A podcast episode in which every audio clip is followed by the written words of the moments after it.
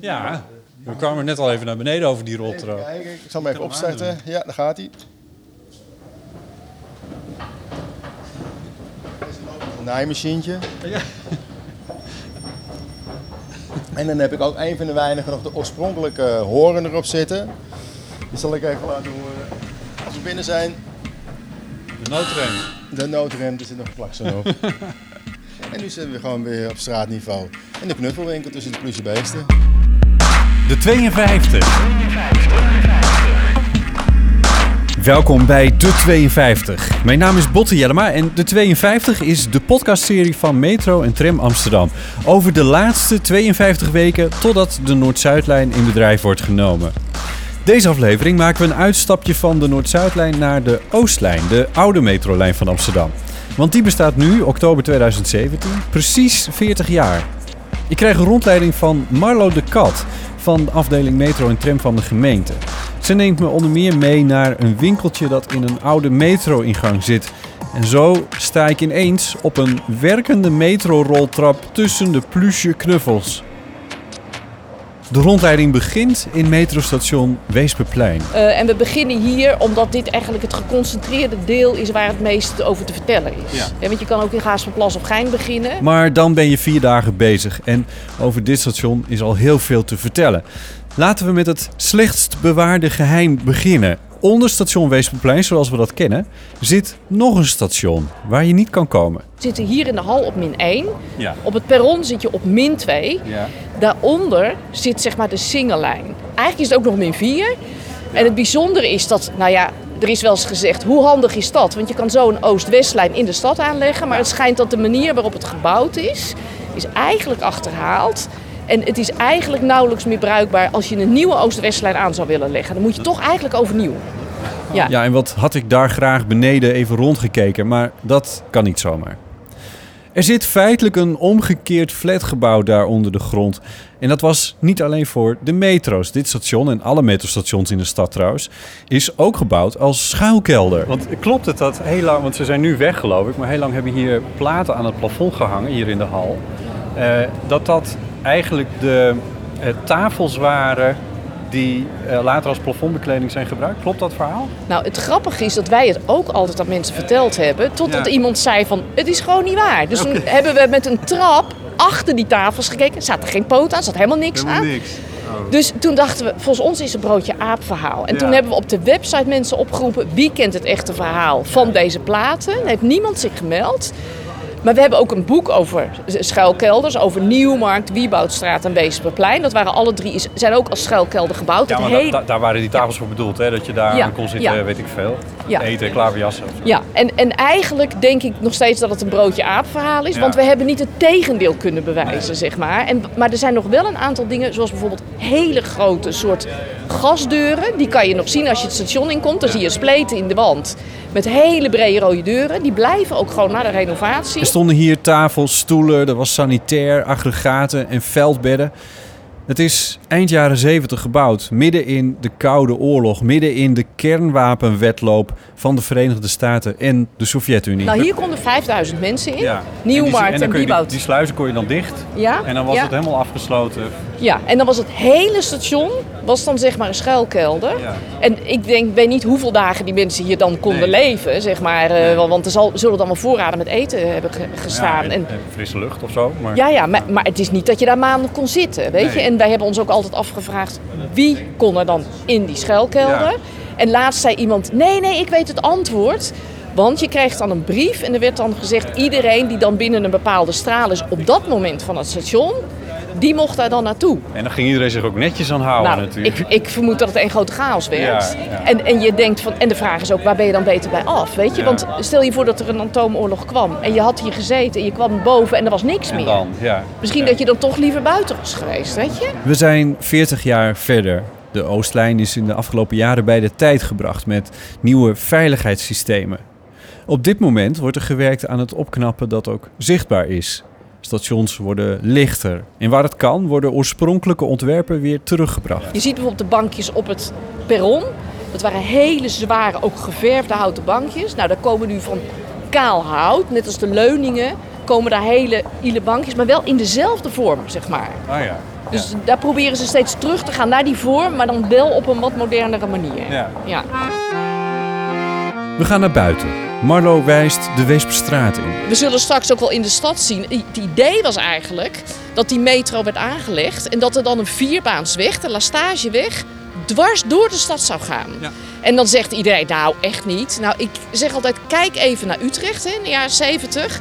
Daar is de singel, of de, nou ja, het is een soort gracht opgeofferd om een soort snelweg van drie kilometer door de stad aan te leggen met Hoogkaterijnen. Ja. Het is gewoon gebeurd. Ja. En hier, eigenlijk dankzij de actiegroep Nieuwmarkt, die zeiden van weet je, wij willen geen kantoren en hotels in die binnenstad. Wij willen gewoon normale woningen, eigenlijk sociale woningen. Waren er heel veel rellen en is gewoon die bouw tegengehouden. De oude binnenstad van Amsterdam was 30 jaar daarvoor gehavend uit de oorlog gekomen. De moderne oplossing was: bouw grote kantoren en winkelcentra in het centrum en ontsluit die met brede wegen. Het begin werd gemaakt met de Wieboudstraat, de Weesperstraat, het Meester Visserplein en ook de Jodenbreestraat. Misschien heb je je ooit afgevraagd waarom die brug bij de Sint-Antoniesluis zo breed is. Daar was een snelweg over gepland. En in diezelfde tijd kwam ook de metro. Die werd niet geboord zoals de Noord-Zuidlijn. Nee, alle huizen boven de grond werden gesloopt. Er werd een gat gegraven en daar werd de tunnel in afgezonken. De vraag was: wat gaan we daarna er weer opzetten? Marlo neemt me mee een smal straatje in achter het Joods Historisch Museum, de AS Onderwijzerhof. En we zien daar een aantal vrij moderne huizen die allemaal op de metro staan. Ik zeg altijd tegen mensen, als je hier door de stad loopt, je ziet gewoon aan de nieuwbouw waar de metro loopt. En het bijzondere is eigenlijk dat de actiegroep Nieuwmarkt, die heeft actie gevoerd nooit tegen de metro. Wij spreken nog regelmatig mensen, die wonen en hier en in de Nieuwmarkt.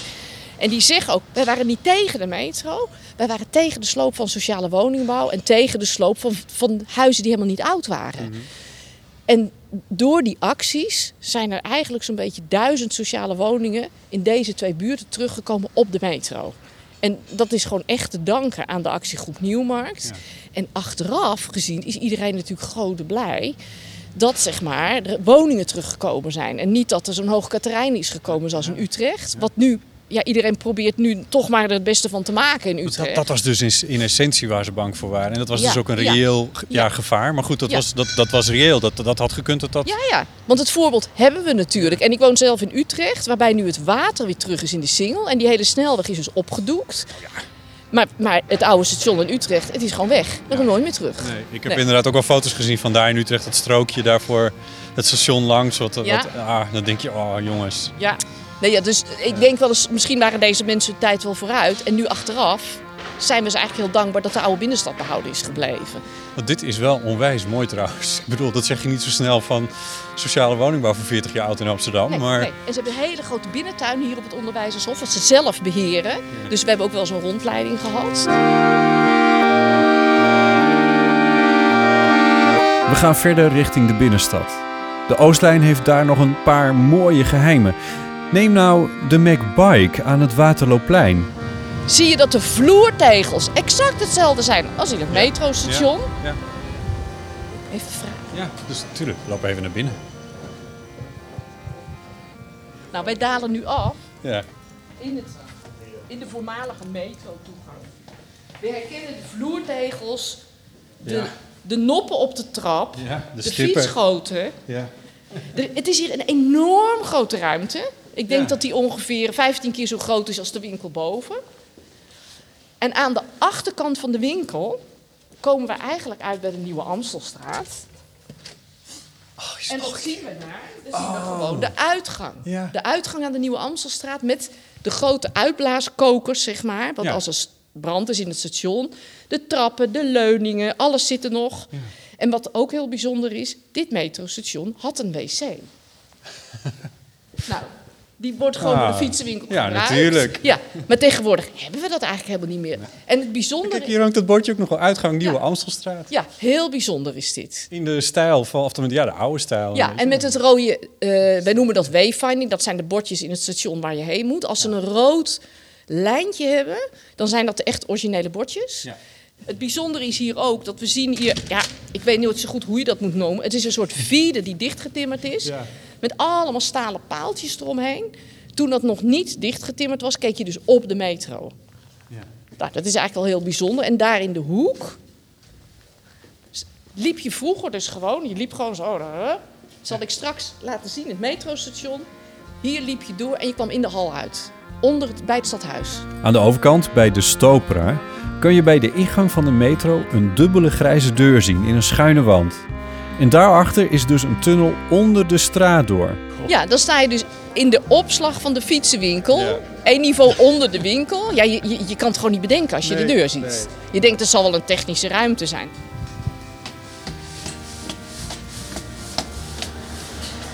Doei. Doei. Doeg. Het is toch ook wel grappig, want ik bedoel, als Amsterdammer kom je natuurlijk niet zo vaak bij de McBike. Wanneer moet je Nee, nou bij nee, de nee. McBike zijn? Ja, als je een tweedehands fiets wil kopen, Ja, dan kom je daar. Als je band opeens lekker is hier. Ja, misschien. Maar verder Ja. zijn er natuurlijk voornamelijk toeristen die hier Ja. eh, fietsen huren. Maar dat moet je dus wel doen. Je moet er wel even naar binnen gaan en even vragen of je beneden moet kijken. ja, eigenlijk wel, ja. Ja. En desnoods koop je een, eh, weet ik veel, ventieldopje of zo.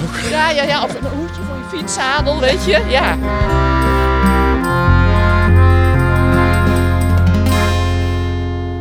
Maar het wordt nog gekker. Marlo neemt me mee naar de Sint-Antonie-Breestraat. Ja, ook hier, Op de hoek, bij de opgelegd, zit een winkeltje met op de ruit knuffels. Op het eerste oog is het een klein winkeltje zoals er in deze buurt zoveel zitten. Maar binnen valt mijn oog op de gigantische roltrap. Dit was namelijk ooit metro-ingang Snoekjessteeg. Het grappige is, we staan hier in de knuffelwinkel. Je ziet aan de vloer dat het een metro Dat zijn dezelfde tegels. Ja, dezelfde tegels. Maar we zien ook een roltrap. Ja, gigantische roltrap die je niet in zo'n winkel verwacht in ieder Nee, geval. maar dat is natuurlijk van het moment, nou ja, van het moment van ooit toen het hier nog een metrotoegang was. En we gaan nu met die roltrap naar beneden. We gaan even lopen. Ja, Iedere dag doet hij het overigens nog één of twee keer. En gewoon om hem een beetje eh, in, in beweging Ja, te houden. ja. Als een oude... nou, en beneden, eh, Nieuwmarkt als, was als station natuurlijk ook een schuilkelder. Dus beneden is het vaak heel erg groot. Kijk, daar hebben we Bruno. Hallo.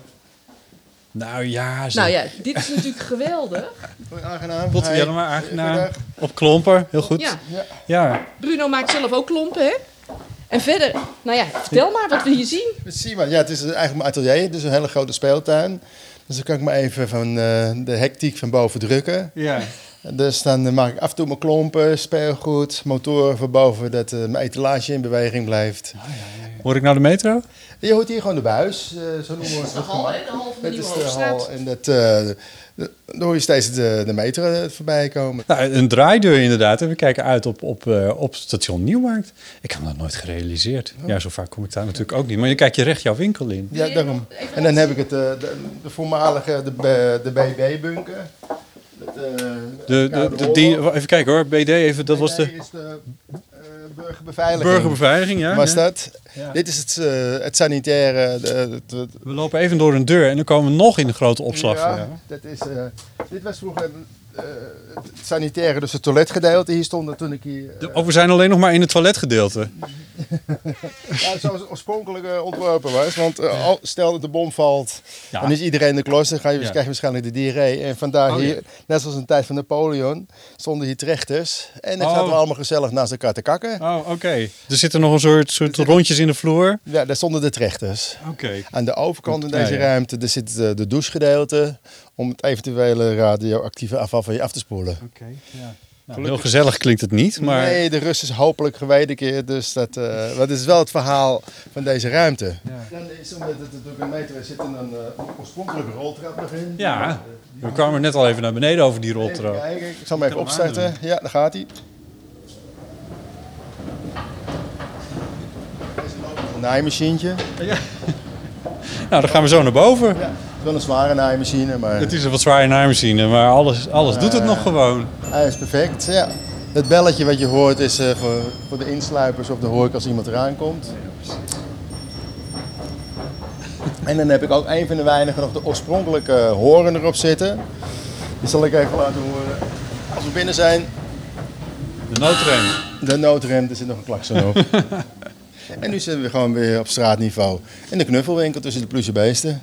Er zijn heel veel metro-ingangen gebouwd voor de Oostlijn. Je hoefde toen de tijd nauwelijks de straat over te steken om bij een metro-ingang te komen. Dat was het idee. Maar het werden hangplekken, onveilig en smerig bovendien. Dus er zijn al heel wat metro-ingangen niet meer in gebruik. Er waren veel ideeën die we nu als achterhaald beschouwen. Het zet me aan het denken over de metrolijn die we nu bouwen. Het bijzondere is eigenlijk dat hier in dit gedeelte was de actiegroep Nieuwmarkt actief. En die hebben eerst een soort lobby gehouden voor een sneltram, dus gewoon bovengronds. Ja. Nou ja, dat heeft het niet gehaald. En toen zeiden ze, oké, als er dan geen sneltram kan, kan je niet vanaf hier recht naar Amsterdam Centraal onder het water door, onder de Gelderse Kade. Ja.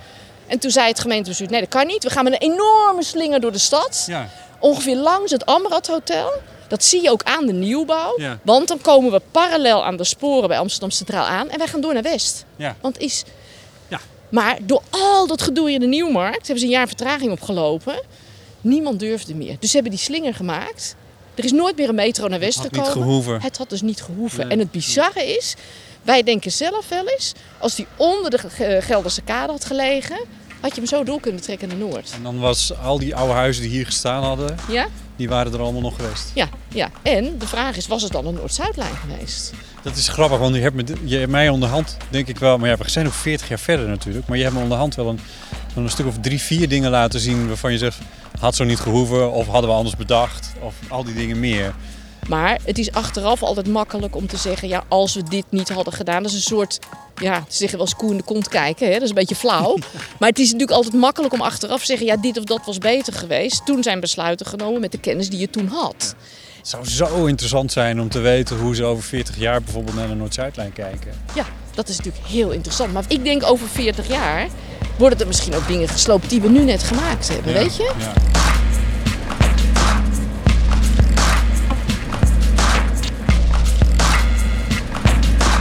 Dit was het voor deze aflevering. Vergeet niet je te abonneren op deze podcast, zodat je kan zien wanneer de volgende online staat. Tot dan! De 52. De podcast De 52 wordt gemaakt in opdracht van Metro en Tram Amsterdam.